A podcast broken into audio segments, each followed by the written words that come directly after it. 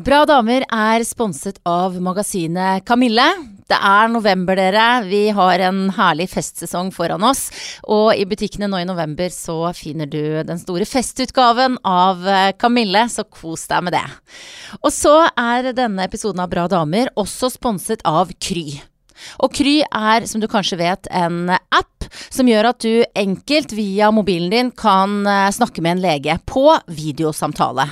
Og jeg tenker det er jo utrolig deilig som mamma, for eksempel, så har man jo snakke på vegne av meg sjøl, tendensen til å bli litt urolig. Er det et utslett, er det en hoste, eh, så er det veldig fint og eh, veldig kjapt. Eh, maks ventetid er 30 minutter. Kunne få snakke med en lege. Alle som jobber hos Kry er fastleger, legevaktleger, sykehusleger. Det er dyktige folk som du kan kontakte via din telefon. Og så får du de samme tingene. Du kan få resept, og du kan få konsultasjon via telefonen din. Og kanskje være litt mindre bekymra enn da du starta. Så um, sjekk ut Kry hvis du er nysgjerrig på dette.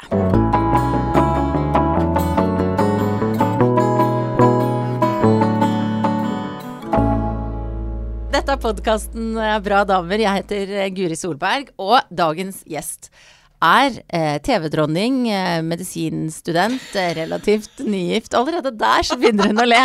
God kollega og venn Katarina Flatland. Så koselig å være her. Ja, syns du det? Endelig! Ja, for jeg er jo litt sånn Jeg eh, lærte, selv om jeg kjenner deg Oi, sorry, jeg skal bare ta den mikken godt ja, ja, vær så god. selv om jeg kjenner deg eh, ganske godt, så lærte jeg en ny ting om deg når vi drev og avtalte denne podkasten. ja. Er at du er et skikkelig B-menneske. Ja. Nå er klokka halv ni om morgenen. Ja. Hvordan har morgenen vært for deg i dag? Altså, den har vært fin. Altså, jeg, jeg har veldig gode rutiner, da. Jeg står alltid liksom opp en time før og spiser alltid egg til frokost og lager meg kaffe. Liksom. Jeg tar meg god tid. Mm. Men hvis jeg kunne velge, så hadde jeg liksom sovet til elleve hver eneste dag. Yes. Kanskje tolv, faktisk. Ja, men når går du og legger deg da, Katarina? Nei, jeg legger meg elleve, liksom. Ja. Jeg bare elsker å sove. Å gud, så deilig. Ja, Gjør ikke du?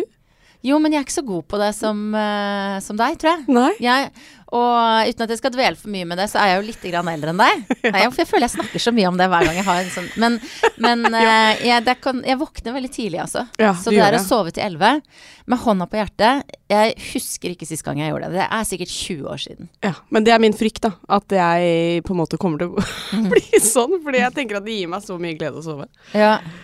Hva annet er det som er viktig i livet ditt akkurat nå enn søvn? Uh, viktig i livet mitt akkurat nå er eh, Akkurat nå er det mye jobb, da. Jeg syns jo det er veldig gøy.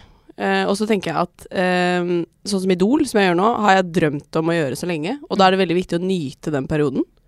Fordi nå tok jeg meg liksom fri fra studier for å rett og slett bare kunne nyte. Og gjøre noe man liksom har gleda seg til, da. Så jeg tror liksom det er veldig viktig for meg. At jeg ikke må la liksom denne perioden bare løpe av gårde, og så angre på at jeg ikke liksom koste meg nok. Mm. Um, og så er jeg jo nygift fortsatt, da. Ja. Det er liksom snart et halvt år, men Ja. hvor lenge kan man si at det, man er kanskje nygift? det er et år, Ja, okay. så er du nygift. Ja, er vi Mm. nygift. Har det forandra livet ditt på noen måte? Uh, jeg vil si at uh, det var liksom større enn vi trodde, når vi på en måte gjorde det. Mm. Uh, og det var egentlig etter en sånn samtale med presten at vi følte at det her var liksom større enn vi ante, da. Og vi er ikke noe spesielt kristne, noen av oss, men det å snakke med en person om fremtidige verdier, altså familieverdier, alle sånne ting, gjorde liksom hele det der ekteskapet sånn wow. Nå har vi liksom lova hverandre å henge sammen resten av livet, da. Ja, verdier, altså presten sammen Mine barn, hva vil det Hvordan vil det Nei, hvordan Han var kjempefin. Han var sjømannsprest og ikke liksom opptatt av egentlig å snakke så veldig mye religion, men opptatt av å høre med oss om, eh, om hvilke verdier vi syns er viktige i et forhold, i en familie, hva vi drømmer om. Og det er jo egentlig så store ting du ikke tar deg tid til å liksom snakke om eh, en tirsdagskveld liksom hjemme. Mm. Så jeg følte at etter vi gjorde det, så, så tok vi hele pakka veldig seriøst, da. Ja, hvilke verdier er dere blitt enige om nå, da? Nei, vi har vært veldig opptatt av at vi skal på en måte se eh, Altså, det er jo ikke noe du egentlig kan bestemme deg for, men vi setter veldig pris på at vi set, eh, ser opp til hverandre, da. At eh, det han gjør, er like viktig som det jeg gjør. Eh, og vi har liksom en genuin respekt for hverandre, som jeg tror er veldig viktig. Um, og så at vi unner hverandre vel. Og det tenker jeg sånn Nå er ikke vi der at vi skal få barn med det første, men jeg tror at det er jo noe det folk sier er liksom viktigst når man får barn. Man må liksom unne hverandre tid.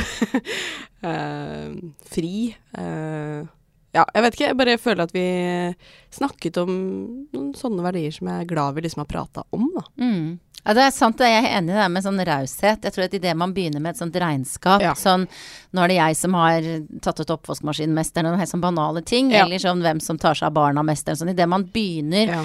å late som det er et regnestykke som skal gå opp, da er du fucked. Ja, jeg vet det. Men hvis du har den Ja, gjør det. Dette får vi til. Ja. Det er jeg enig i. Det, Men det håper jeg at blir også eh, greit når man eventuelt får barn, da. For jeg Mm. tenker at det er så lett å si nå at bare herregud, du skal få dra på guttetur whenever, liksom. ja, ja.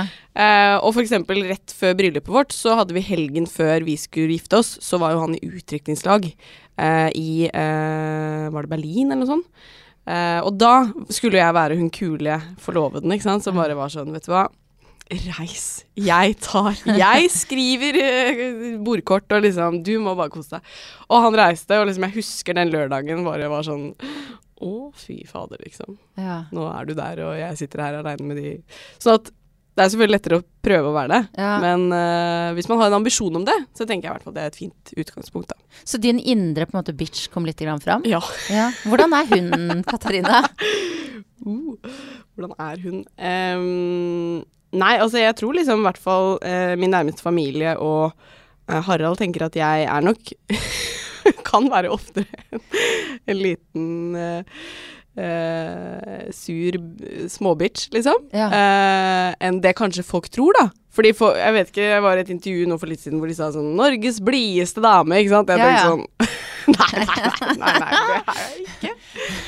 Men uh, jeg er veldig glad for at folk oppfatter meg sånn, men, men jeg kan liksom irritere meg over alt fra trafikk til folk som går treigt på gata til Altså, Mm. jeg har jo noe i meg som trigges, liksom, jeg òg. Mm.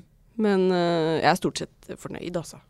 Men det derre Igjen, nå skal ikke jeg si det hver gang du sier noe, at det kjenner jeg meg igjen i, men, men det der med eh, å være så positiv og blid og sånn, Ja. det er jo på en måte eh, Det er jo et nydelig image å ha, da. Ja. Men kan du kjenne Er det liksom Er det stress å være hun Ja, eller blide? Nei, det er på en måte hyggelig å være hun blid. Det jeg ofte føler på. eh, eller ikke ofte, men eh, jeg tror liksom eh, Man får veldig mye sånn sosialt ansvar, hvis det er inntrykket folk sitter med på forhånd, hvis du skjønner. Uh, og eh, ja, at noen liksom episoder på studiet hvor liksom jeg blir sittende med en gruppe mennesker som jeg overhodet ikke kjenner, og hvor jeg nesten føler at nå er det Nå må jeg prate, ikke sant. Ja. Og jeg prater jo, men det er jo ikke som at jeg har dritlyst til å høre om liksom hele sommerferien, eller liksom Altså, skjønner du. Eh, men jeg tar litt sånn ansvar, og så noen ganger så blir jeg så sliten av det. Fordi jeg egentlig ikke hadde lyst til å være den akkurat den dagen Mm. som tok det ansvaret. Men så føler jeg at jeg må nesten gjøre det, ellers så kommer folk til å tenke at hun er ikke så blid som uh, Ja. Men hvor flink er du til å på en måte bare tre ut av den rollen? Da bare tenke Kan ikke noen andre prate? Veldig dårlig. Ja. Eh, jeg tror jeg kan telle på én hånd når jeg liksom har gjort det, og da blir det jo ubehagelig stille, liksom. ja.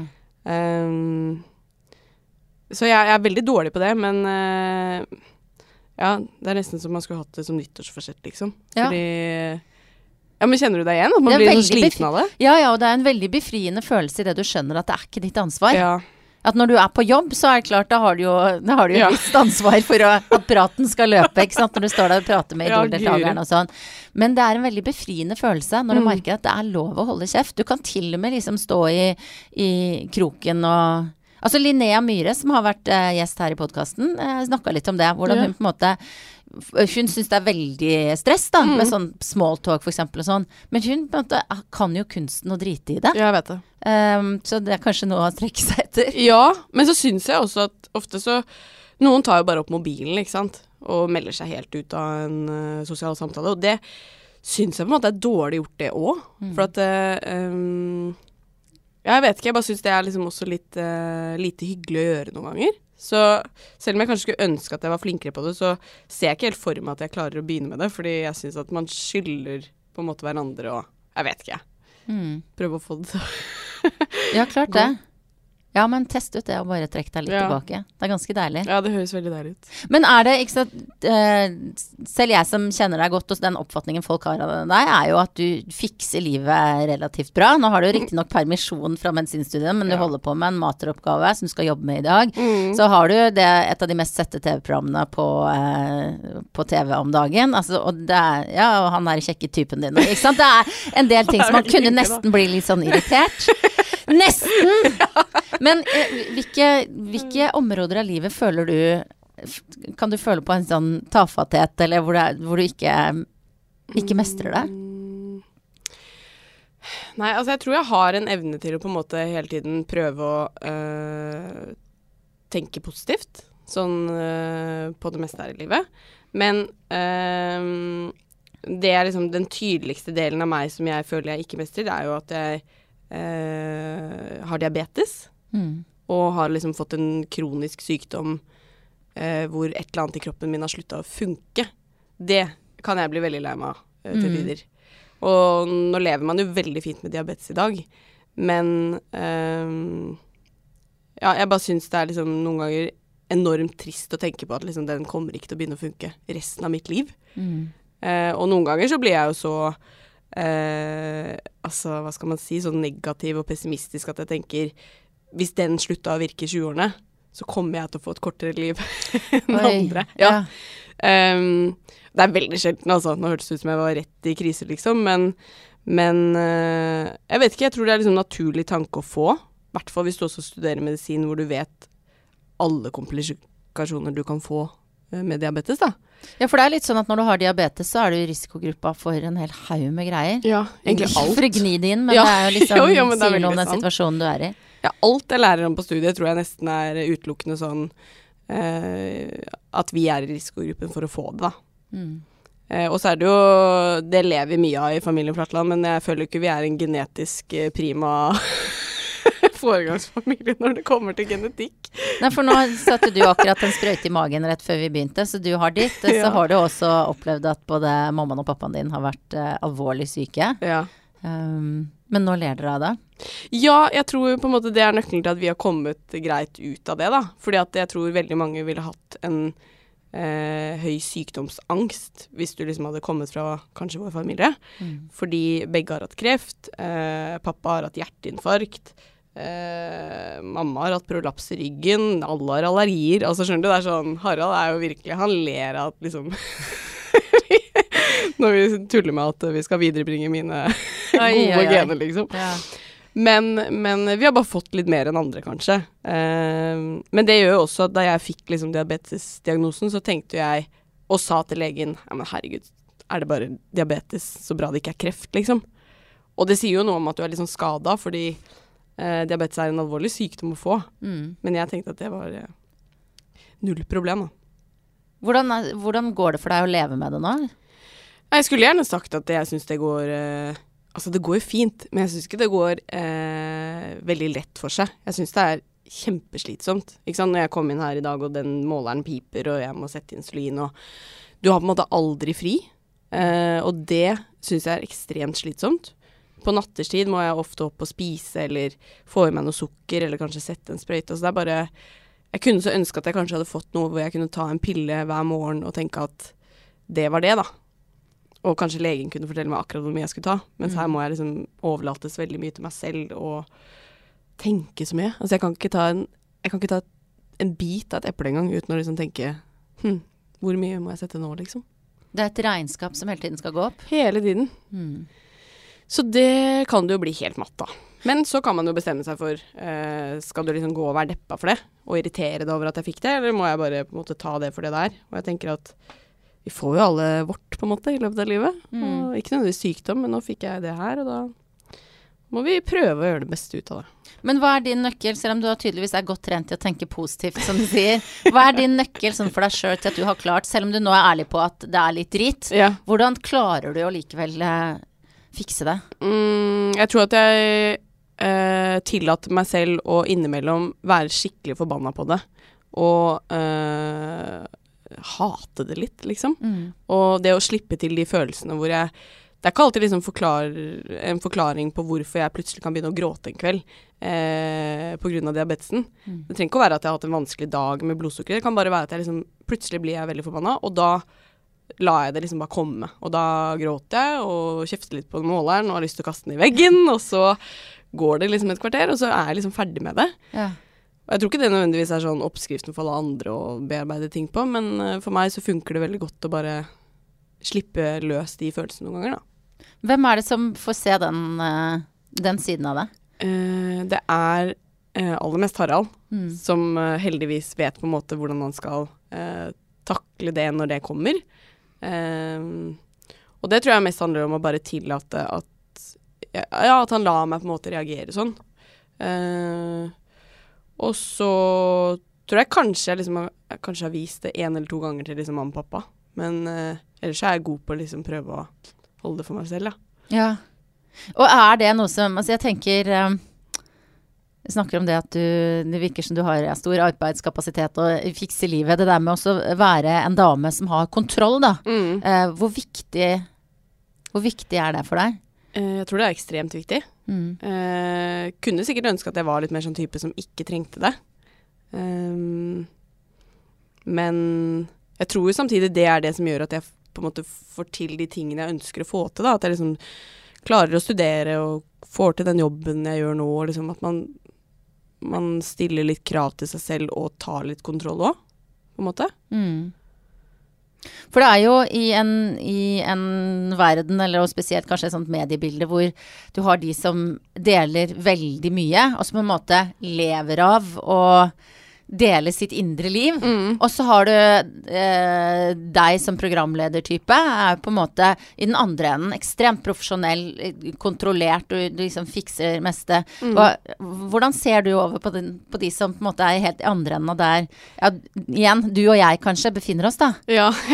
Ja. ja, for der kjenner jeg meg igjen med deg. At jeg føler vi, og det har vi helt siden vi begynte i TV 2, altså, eller jeg begynte i TV 2 når du var der, for ti år siden, så har jeg kjent meg igjen i det. At du og jeg på en måte er kanskje litt mer eh, Verner litt mer om de private tingene enn i de i det andre, andre enden av skallen. Mm. skalaen. Men jeg tenker at eh, Jeg syns det er liksom veldig tøft av de som tør. Men samtidig så syns jeg ikke at det skal være liksom et, uh, en nødvendighet at man må være sånn heller. Fordi Mm. at eh, Og det følte jeg liksom på kanskje tidlig da jeg begynte i TV 2, at jeg var redd jeg skulle være kjedelig. Fordi at ikke jeg liksom delte alt, og hvis eh, kjæresten slo opp, så delte jeg alt med det, eller hvis eh, Jeg vet ikke, at man liksom måtte være så innmari personlig og kanskje ha masse problemer i tillegg, hvis Ja, du skjønner ja, ja. å by på.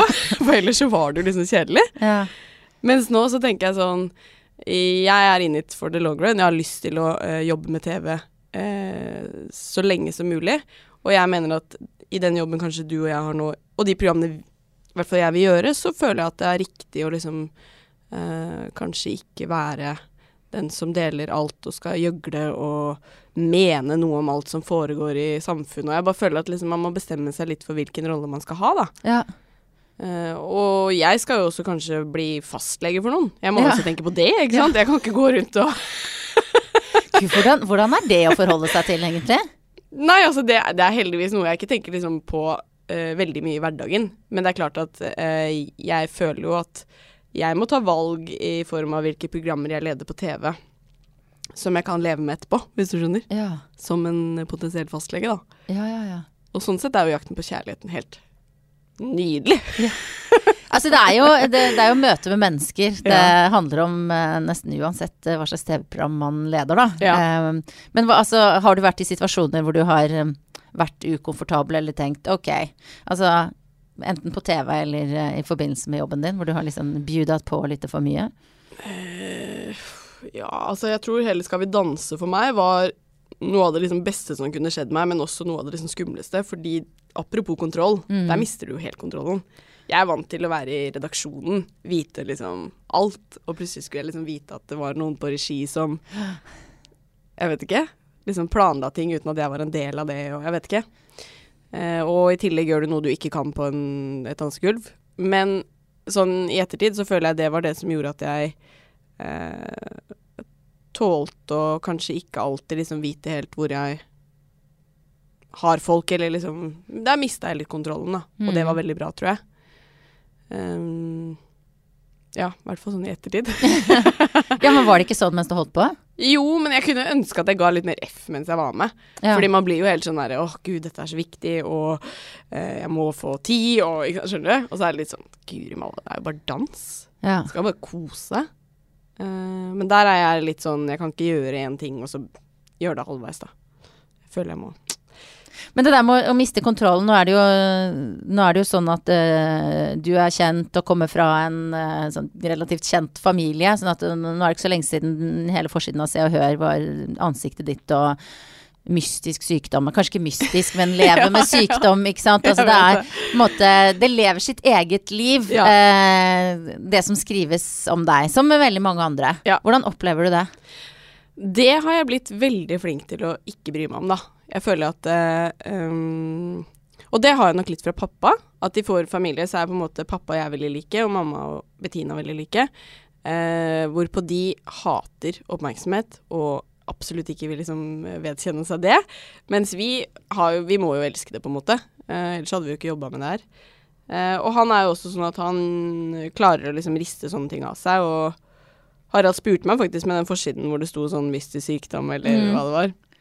Og så ler jeg bare, og så sier jeg 'men herregud', det er liksom Ja, det er jo diabetesen, og de velger å liksom snu det til at dette er noen nyoppstått hemmelige greier, men samme det, liksom. Uh, så heldigvis så føler jeg at jeg liksom bryr meg fint lite om det. Men så tror jeg også kanskje at jeg har sluppet ganske sånn greit unna opp igjennom. Jeg har ikke vært liksom eh, Føler jeg selv har vært noen som veldig mange mener mye negativt om. At Ja. du får liksom mye dritt i sosiale medier. Det har jeg egentlig aldri liksom måttet stå i. Og det føler jeg meg veldig glad for at jeg Ja. ikke har. Hvordan har du takla det, tror du? Nei, altså jeg takler det jo veldig dårlig, da. Mm. Eh, fordi eh, Jeg kan lese én melding jeg fikk Ja, ganske nylig. Eh, Som kom inn på din telefon, eller? ja da, på Facebook. Og det er sånn, det er så teit, fordi egentlig burde jeg ikke bry meg om det i det hele tatt. Eh, men da blir jeg jo med en gang liksom veldig lei meg når jeg først får noe, da. Og sånn som den meldingen her var jo fra en på 60-70 år, tror jeg. Ja. Men jeg blir dritlei meg, da. Og den går sånn her. Vær så snill, Katarina, å få av deg de treningsklærne i programmet Idol, og få på deg en skikkelig bh. ja, jeg, jeg ler jo nå, men Oi. du representerer overhodet ikke her. Ta litt tips fra din forgjenger, både når det gjelder klær og omtanke, omtanke og empati for deltakerne. Og da vet jeg ikke Mener han Er det liksom- meg? Nei. Nei, hvem? Det er Stian Blipp, da? Ja, eller Marcus Bailey. Ja. Men liksom, her snakker vi om BH og alt, så jeg skjønner ingenting. Jeg. Herregud. Syns ikke du virker naturlig og har den store varmen. Ikke vondt ment, men bare tips for å hjelpe deg videre i jobben. Så raust. Veldig raust. Ikke vondt ment, altså. Nei. Ja. Og så er det sånn Ja, jeg, jeg fikk jo den mens jeg satt på jobb med redaksjonen, og vi lo, og ikke Ja. sant. Men så er det et eller annet med at jeg tenkte sånn Var, de var det litt treningsklær det jeg hadde på? Skjønner du? Så begynner man å Ja, det var jo det, men hm. Så jeg hadde jo ikke takla det, når jeg klarer å liksom la Sølvi på 60 Mm. irritere meg. Men hva gjør du da for å få henne ut av eh, hjernebarken? Eh, nei, jeg prøver å le av det. Mm. Eh, og Harald var jo sånn Han starta jo på et svar. Å oh, ja, ok. Ja, ja, ja, oi, oi, oi. Og det var sånn Tusen takk, Sølvi, for dine gode Altså, skjønner du? Eh, og da fikk jeg stoppa han, fordi jeg har jo også lyst til å gjøre det, jeg òg. Men eh, da har du starta noe du ikke kan jeg vet ikke. Avslutte Mm. helt. Så Men uh, Så det er jo sikkert veldig lett å si at nei, jeg hadde takla sånn veldig bra, men jeg merker jo da at jeg tåler det jo kanskje ikke når det først kommer. Mm.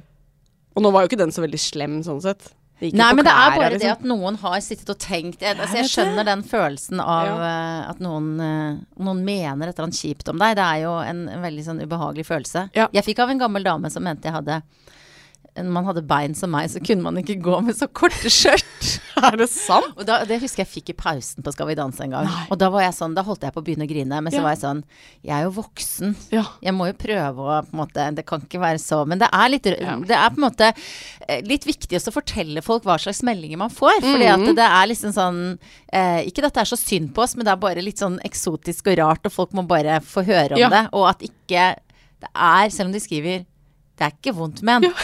Så er det litt, er det litt vondt. Ja, det er kjempevondt.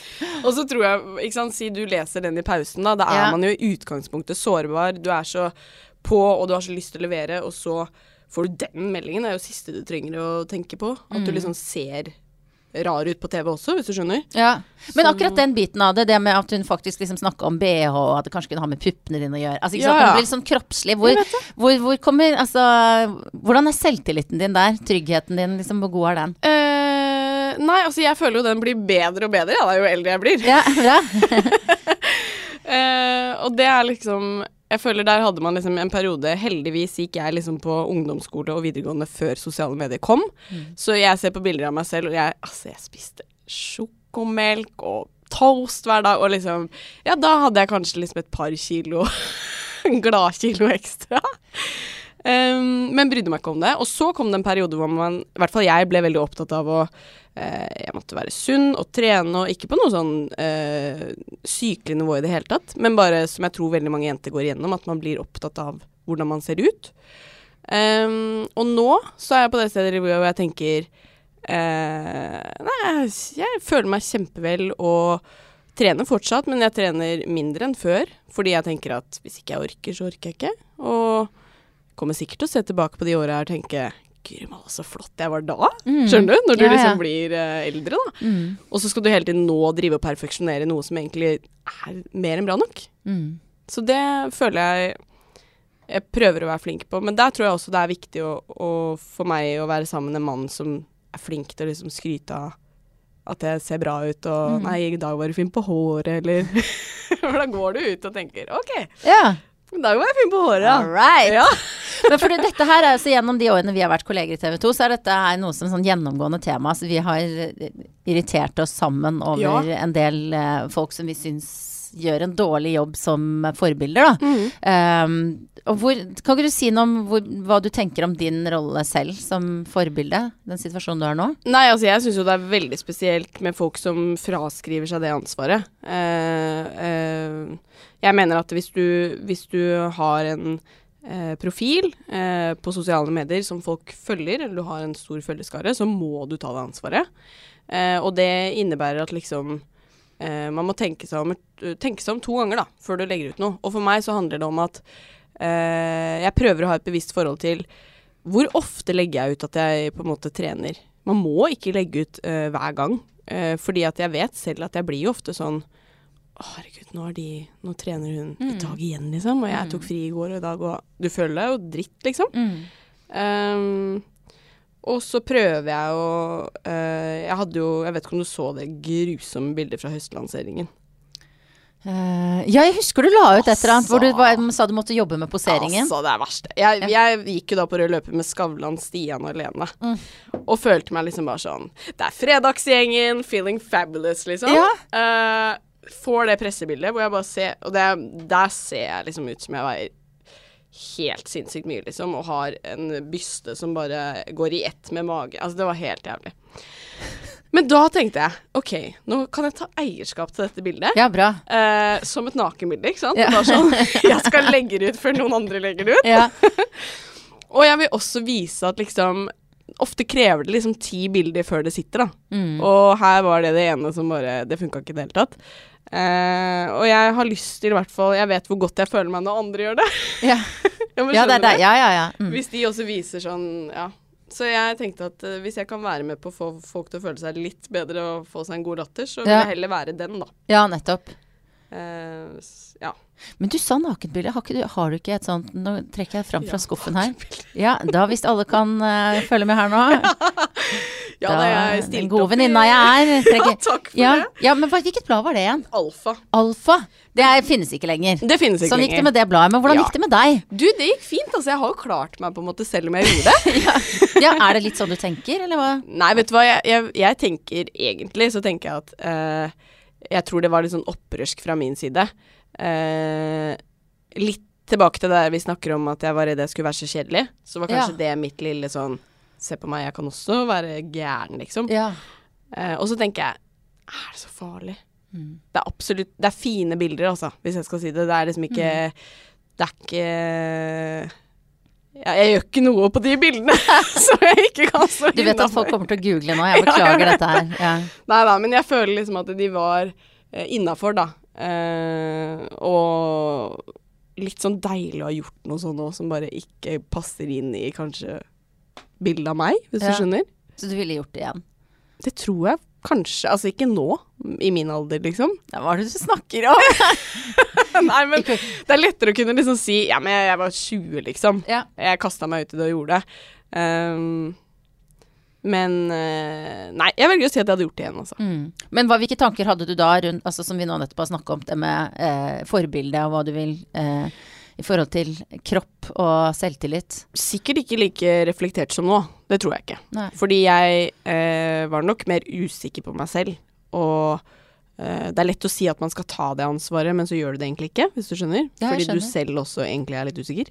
Ja, og trenger den bekreftelsen. Ja. Mm. Ja, ikke minst. Mm. Tror du ikke det gjelder for ganske mange? Jo. Når man stiller opp på ting som man ikke er helt sikker på, og Jo. så får man en slags sånn ekstra bekreftelse på at man er Ja, ja, Hot, selvfølgelig. Ja, ja, ja. har, vi har jo alle på en måte et behov for det òg. Å Mm. få en sånn bekreftelse innimellom. Men, eh, men eh, jeg tenkte nok ikke over hvilke liksom, eh, konsekvenser det har for eh, unge jenter som kanskje, kanskje ser det, da. mm. Um, så det hadde jeg nok tenkt mer på i dag. Men, men jeg tror det var mer en sånn personlig greie at det bare var liksom deilig å være litt Ja, ikke så A4 og Mm. innafor de rammene, liksom, som jeg Mm. skulle være. Ja, jeg skjønner godt det. Du, du har snakka mye om pappaen din, um, og at du har jo valgt samme karrierevei som uh, Casino Flatland. Og Ja. du sier selv du er, uh, du er tett på han, men så har du også, som vi snakka om, opplevd at uh, begge foreldrene dine har vært veldig syke. Mm. Og pappaen din, han var sånn at dere tenkte at han skulle dø. Mm. Det er en sånn um, helt spesiell greie, vil jeg tro, det å holde på å miste en, en av foreldrene. Mm. Hvordan, hvordan opplevde du det? Nei, altså jeg følte jo at vi hadde måte vært gjennom en kreftrunde med mamma som var tøff i utgangspunktet. Og så følte jeg vel at det at pappa ble syk så brått, gjorde hele den prosessen bare ti ganger verre. For det var som at han var i en bilulykke, Ja. eh, og over natten havna i koma. Og mens han lå i koma, så fikk vi vite at han hadde kreft. Eh, sånn at jeg følte at hele prosessen med mamma var en sånn OK, du har fått den diagnosen, vi bearbeider dette eh, sammen. Men så kom han og ble liksom sånn Og det er nesten så jeg bare føler sånn Selvfølgelig måtte det skje på den måten med han. Fordi liksom Det er liksom litt sånn Vi ler jo av det òg, på en måte. At ingenting kan være litt sånn normalt i familien vår, da. Hvis en får kreft, så er det liksom rett i koma i tre måneder og liksom unntakstilstand. Um, så det Og det gjorde hele prosessen mye verre. For jeg, det var et par ting jeg gjerne skulle liksom sagt til han. Eh, og et par ting jeg gjerne skulle hatt han med på. Og det er jo liksom bank i bordet. Nå fikk han vært med på bryllupet, som var eh, litt sånn barnslig viktig for meg. Og så fikk han vært med på at eh, søsteren min fikk barn, og det syns jeg er veldig viktig at han fikk oppleve. Ehm, sånn at eh, ja, det har på en måte Det var, det var et sånn par ting som jeg syntes var veldig viktig, og jeg tenkte jo på hvem skal følge meg opp. Gulvet hvis ikke han følger meg opp, og ja, du går gjennom de store spørsmålene, da. Og så Og vi er også sånn familie som jeg føler ikke Det var ikke som at vi takla det sånn kjempebra, noen av oss, at han var dårlig. Jeg tror folk sier liksom så, så sterke dere var som sto i det. Herregud, og vi krangla. Mamma, Bettina og jeg, liksom. Innimellom. Fordi man takler ting så veldig forskjellig. Eh, så vi kunne krangle så busta fyker, vi, om liksom eh, Hvordan vi takla det, da. Ja. Fordi noen av oss ville være der mest mulig, andre trengte mer fri, og så blir det en sånn men tror du ikke jeg har lyst til å ta fri fra dette helvete, liksom? Og så Så det var liksom en periode som var helt eh, Helt for jævlig, ass. Mm. Du sa det var noe du hadde lyst til å si til han. Hva var det som var viktig for deg å få sagt? Når han da våkna, heldigvis, fra koma. Eh, ja.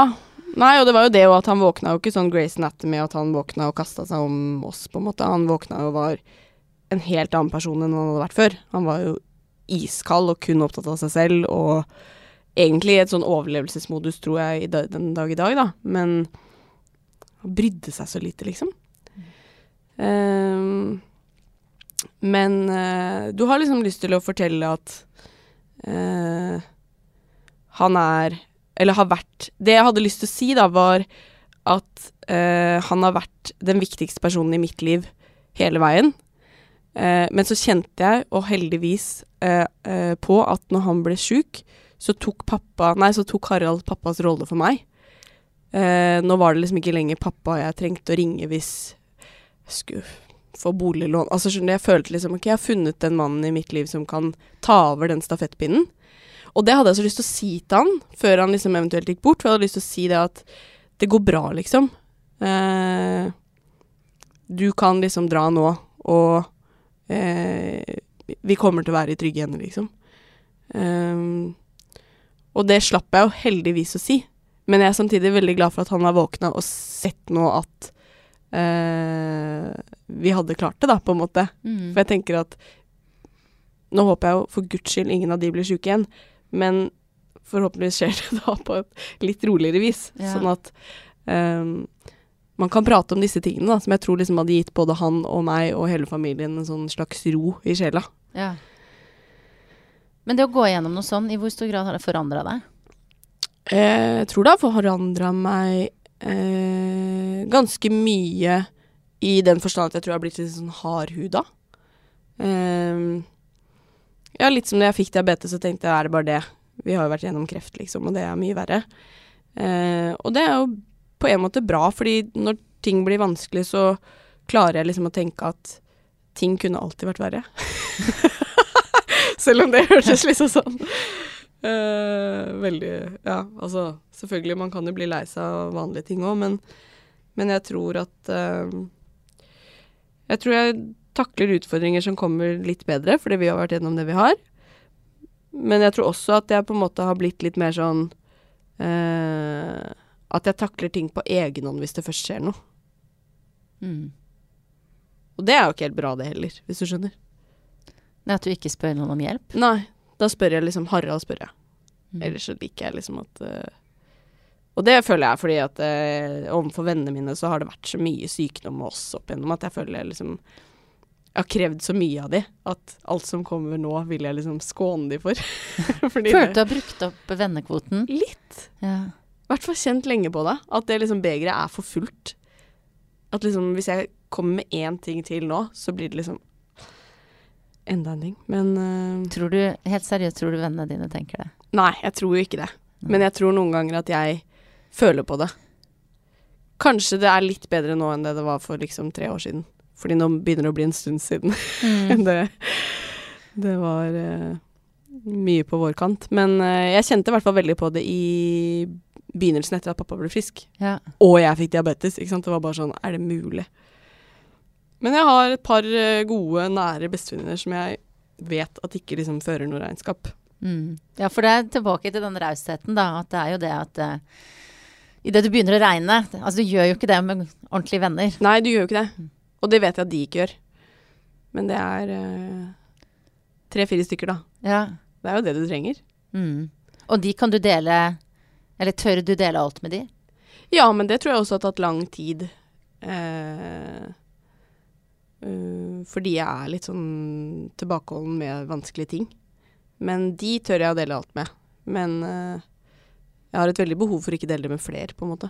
Mm. Hvorfor, hvorfor, har du ta, hvorfor eh, har du holdt tilbake på vanskelige ting? Hvorfor er det vanskelig, tror du? Uh, jeg vet ikke. Veldig vanskelig spørsmål å svare på, da.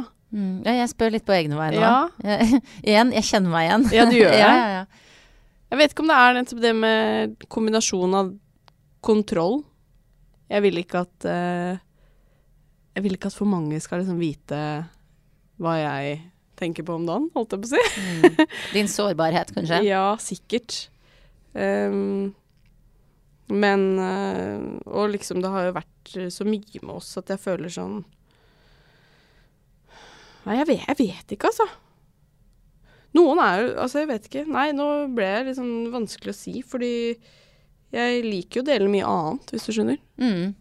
Jeg vet ikke om det er noe enkelt svar på det. Nei. Det er jo også så enkelt som at vi mennesker er litt forskjellige. Mm. Men jeg Du sa nå i begynnelsen om at du om at du, når du ble irritert på diabetesen, så kunne du bli forbanna og gråte det ut og sånn. Det er jo Mm. noe med at eh, det hjelper jo alltid å Jeg få det, det ut. Jeg vet det. Så jeg prøver jo liksom selv også å bare eh, være litt flinkere til å dele. Ja. For det er jo også Jeg tenker av og til på mannen min at det er litt stor belastning på han. ja, men det er sant. Han er den eneste som får se mine mørkeste sider. Det hadde vært fint å spre det litt Ja. mer sånn jevnt utover. Og slippe noen det. flere inn i mine, på mine elendige sider, da. Ja. Men, eh, så det er derfor jeg spør litt, jeg. Ja, jeg skjønner hva du mener. litt. Mm, litt vanskelig. Og så misunner jeg litt de som på en måte kan sitte på et vorspiel og bare sånn å, herregud, nei, nå, nå går det dårlig med typen, og altså, skjønner du, og bare legger ut til alle og enhver. Ja. For da er jeg liksom sånn Herregud, gud, kunne jeg aldri sagt. Skjønner du? Bra du får på deg litt her da, Katarina. ja, ja, her begynner jeg på. Du, jeg maste jo litt på deg, sa du måtte ta med noe som uh, kunne fortelle noe om hvem du er. Ja. Er det den der måleren din? Nei, herregud. Nei, det var bra. Du er ikke din diabetes. Nei, for den ligger nemlig midt på bordet her, skjønner du. Og følger med på at blodsukkeret Hvordan er blodsukkeret ditt nå, forresten? Er det Du, det var litt høyt etter frokost, Ja. men uh, nå satte jeg jo litt insulin, da, så nå er det litt bedre og på vei ned. Ja. Men det jeg har tatt med meg, ja. er denne lappen. Tur-retur Rema 1000. Fire minutter, ti sekund. Harald.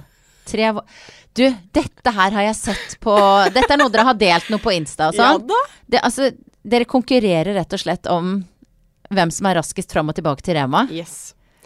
Eh, og det er en lapp som henger på kjøleskapet vårt, eh, og som jeg syns definerer meg veldig fordi eh, jeg er et ekstremt konkurransemenneske. Eh, og det viser liksom sånn at hvis vi skal gjøre kjedelige ting som at vi har glemt en vare på butikken, for det er én vare da Mm. vi kun kan kjøpe, Ja, ok. Eh, så må en av oss løpe til Rema, Ja. og da står den andre og tar tiden. Uh, og her er det jo sant, alt fra fire minutter og ti sekunder uh, til at jeg bruker eh, 4,57, det er veldig lenge altså, på én vare. Men, står det, idiot i køen. ja, nettopp. En som surra, ikke fant Som. Ja, ja, ja, Og særlig de som skal ta ut penger, da er du jo helt snakes. Uh, og så har du Haralds rekord på 3 minutter og 18 sekunder, da. Som er, det er raskt, ass. Men eh, er det ikke litt slitsomt? Driver dere og konkurrerer om mye? Ja, Ja. absolutt. Hvilke andre ting da enn løping til butikken? Uh, nei, vi konkurrerer jo alltid når vi trener. På antall repetisjoner eller tid eller uh, trapper eller uh, alt. Eh, og så er det liksom alt fra eh, Jeg vet ikke, hvis jeg tar ut melka, så kan det være sånn Hvor mye melk tror du det er igjen? Skjønner du? For noen tullinger. ja, det er dritslitsomt. Um, men det gjør jo hverdagen litt gøyere òg, da. Ja. Og der er jo på en måte kommer jeg jo fra en familie hvor eh, Altså, julaften har vi liksom fått rebus for å finne julegaven eh, som du må løse. Altså, vi bare elsker liksom å gjøre det litt vanskeligere enn det egentlig er. ja. Eh, og så syns jo jeg det er ekstremt gøy å vinne, da. Særlig penger. Jeg må alltid spille om penger. Ja dreier denne løpinga til butikken seg også om penger? Nei, den er faktisk ikke penger. Det er såpass mye ære i å ha bestetiden etter Rema 1000. Men uh, jeg, jeg gidder på en måte ikke Hvis vi spiller kort med venner, så må vi spille om penger. Hvor mye snakker vi da? Nei, det er bare liksom 50 kroner eller Er ikke det egentlig ulovlig? Nei, ikke små, ikke små lag. Det er liksom opp Ok. jeg tror ja. det er opp til en viss uh, sum. Jeg tror Ja. du kan spille om 50 kroner, liksom. Åh, ja, ja. Men uh, Og der er jeg også sånn Da må folk vippse. Ja. ja. Harald blir helt flau, for det er sånn Samme det, liksom. Men det er sånn Det er jo ikke noe gøy hvis ikke du spiller om noe som faktisk betyr noe, da. Hvor kommer dette enorme konkurranseinstinktet fra? Det tror jeg er pappa. Ja. Han er jo ekstremt eh, konkurransemann. Eh, så der er nok jeg litt skada, altså. Men eh, jeg syns liksom det gjør hverdagen litt morsommere. Men i jobben din, da, hvor viktig er det for deg å være best? Det tror jeg er viktig, altså. Ja. Ja, det tror jeg. Mm. Eh, men kanskje vel så mye på studiet. ja. Der er det jo Enn så lenge er det bare godkjent Nei, bestått eller ikke bestått på eksamen på medisin. Men eh, jeg er hun som på en måte sender en mail og hører Hvor mange prosent riktig hadde jeg? Nerd. jeg vet det. Bare for å kunne si sånn Yes, da vet jeg i hvert fall for meg sjæl at jeg hadde vært liksom en uh, den og den bokstaven. da Jeg syns liksom det er litt viktig. Ah, det er sånn narsissistisk, er det ikke det? Sånne trekk jeg Nei, altså, det, er hele dette prosjektet med å bli intervjua, sånn som jeg holder på med Ja. nå, det er jo altså, det er jeg som inviterer til det, så nå skal ikke jeg legge Ja. det på dine skuldre. Nei da. Og det, driver og, det er et personlighetstrekk, da, vil jeg si. Vi, Ja. jeg, det er, tror jeg er ganske forskjellig. Jeg kan aldri tenke meg noe mer slitsomt som å og løpe fram til tilbake i butikken. Men altså, har du gjort det bra på eksamen, så vil du jo gjerne vite det. Ikke sant. Ja. Det vil du. Du vet godt at jeg pleier alltid å stille tre sånne faste spørsmål til eh, gjestene. Eh, hva spiste du til frokost i dag? I dag spiste jeg eh, to knekkebrød. Ett med ost og ett med egg. Ja, alltid egg, sa du i stad. Hvorfor det alltid egg? Jeg tror det handler om at jeg føler at jeg, da har jeg god tid. Og oh, ja. jeg liker det. Det er litt som at jeg liker å se på God morgen Norge samtidig, fordi jeg syns det er deilig å føle at har jeg tid til å se på God morgen Norge? Da har jeg en god start på dagen fordi jeg har nok tid. Det er veldig viktig. Så, så det kokte egget på knekkebrød er liksom en, Du forteller kroppen din at det er bare å senke skuldrene? Ja. Så fint. Mhm. Hvor lang tid brukte du på å finne ut hva du skal ha på deg i dag? Grå collegegenser Ja. og sånne svarte skinntights. Aha, de var fine. Hvorfor ler du? Fordi det er et eller annet flaut med å si hvor lenge man Nei, altså, skjønner du hva jeg mener? Hvor, hvor mye du har planlagt for hva du skal ha på deg. Men jeg bestemte meg i går. Ja. Men det er fordi du og jeg skal jo på et arrangement med TV 2 i kveld. Ja. Så jeg følte at jeg måtte planlegge noe som passer til et podkast, noen møter imellom og et kveldsarrangement med TV 2. ja, nettopp. Jeg tror kanskje jeg skal bytte genser før i kveld. Ja, jeg må bytte T-skjorte, for jeg blir alltid litt sånn svett under armene når jeg sitter Ja, her i det varme studioet studio og prater. Ja. Det, er fordi vi, ja, det er fordi vi er innom følsomme tema, og fordi det er litt sånn varme kameralamper her. Ja, ok, en sånn bra. kombinasjon. men eh, men tittelen 'Norges best kledde kvinne', eh, hvordan, hvor mye preger den eh, disse antrekksvalgene dine? Mm, Nei, det gjør jo ikke det, vet du. Det var jo 2015, så det begynner å bli noen år siden. Ja. Men uh, jeg, lever fortsatt på den. Jeg har den stående i stua, den uh, Var utmerkelsen. Mm. Så noen ganger så pynter jeg meg litt ekstra og tenker at her kommer Norges best kledde kvinne 2015. Men uh, Og så kommer det en sånn melding om at du må slutte å gå med treningsklær, Ja, og så synker selvtilliten igjen. det er akkurat det. Når hadde du sex sist? Oi. eh, det er et spørsmål som jeg vet at eh, mamma og pappa hadde drept meg hvis jeg svarte på. Hvor, hvor- hvorfor det? Det er for personlig, da. Uh, jeg tror jeg liksom, Det er kanskje derfor jeg har blitt som jeg har blitt. At jeg har to foreldre som er veldig opptatt av at jeg skal fremstå ordentlig. Ja. Uh, og det er liksom ting man ikke snakker om Mm. for liksom hele landet. Hadde du sagt det? Mm, nei, men ikke pga. foreldrene mine, tror jeg.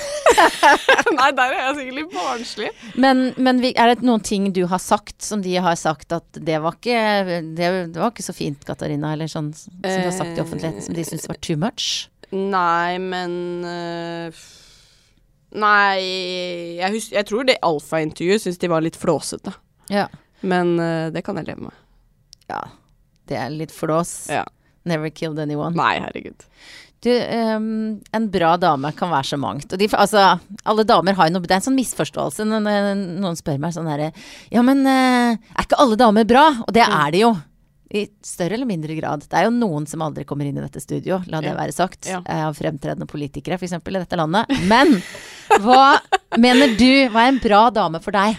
Åh, en bra dame er en som uh, er eh, et godt forbilde. Og da har jeg lyst til å liksom si en bra dame for meg er mamma. Ja. Jeg tror at jeg har blitt som jeg har blitt, fordi mamma har et uh, utrolig sunt forhold til uh, det å på en måte være en, et forbilde for meg og Bettina. Hun har liksom uh, alltid vært opptatt av hvordan er man mot andre. Hvordan vil det oppfattes at jeg gjør det og det overfor Bettina og Katarina. Og så er hun en dame som eldes med stil. Og det er ingenting jeg syns er mer flott enn det. Um, hun kunne aldri liksom løfta eller gjort noe på sin egen kropp.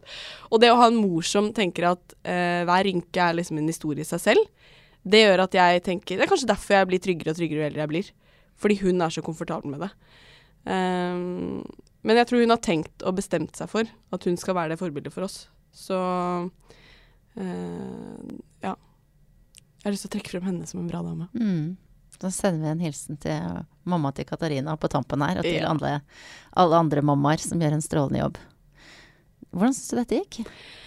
Nei, jeg er jo litt småsvett sånn som deg, da. Det var nydelig. Tusen takk skal du ha, Katarina. Takk for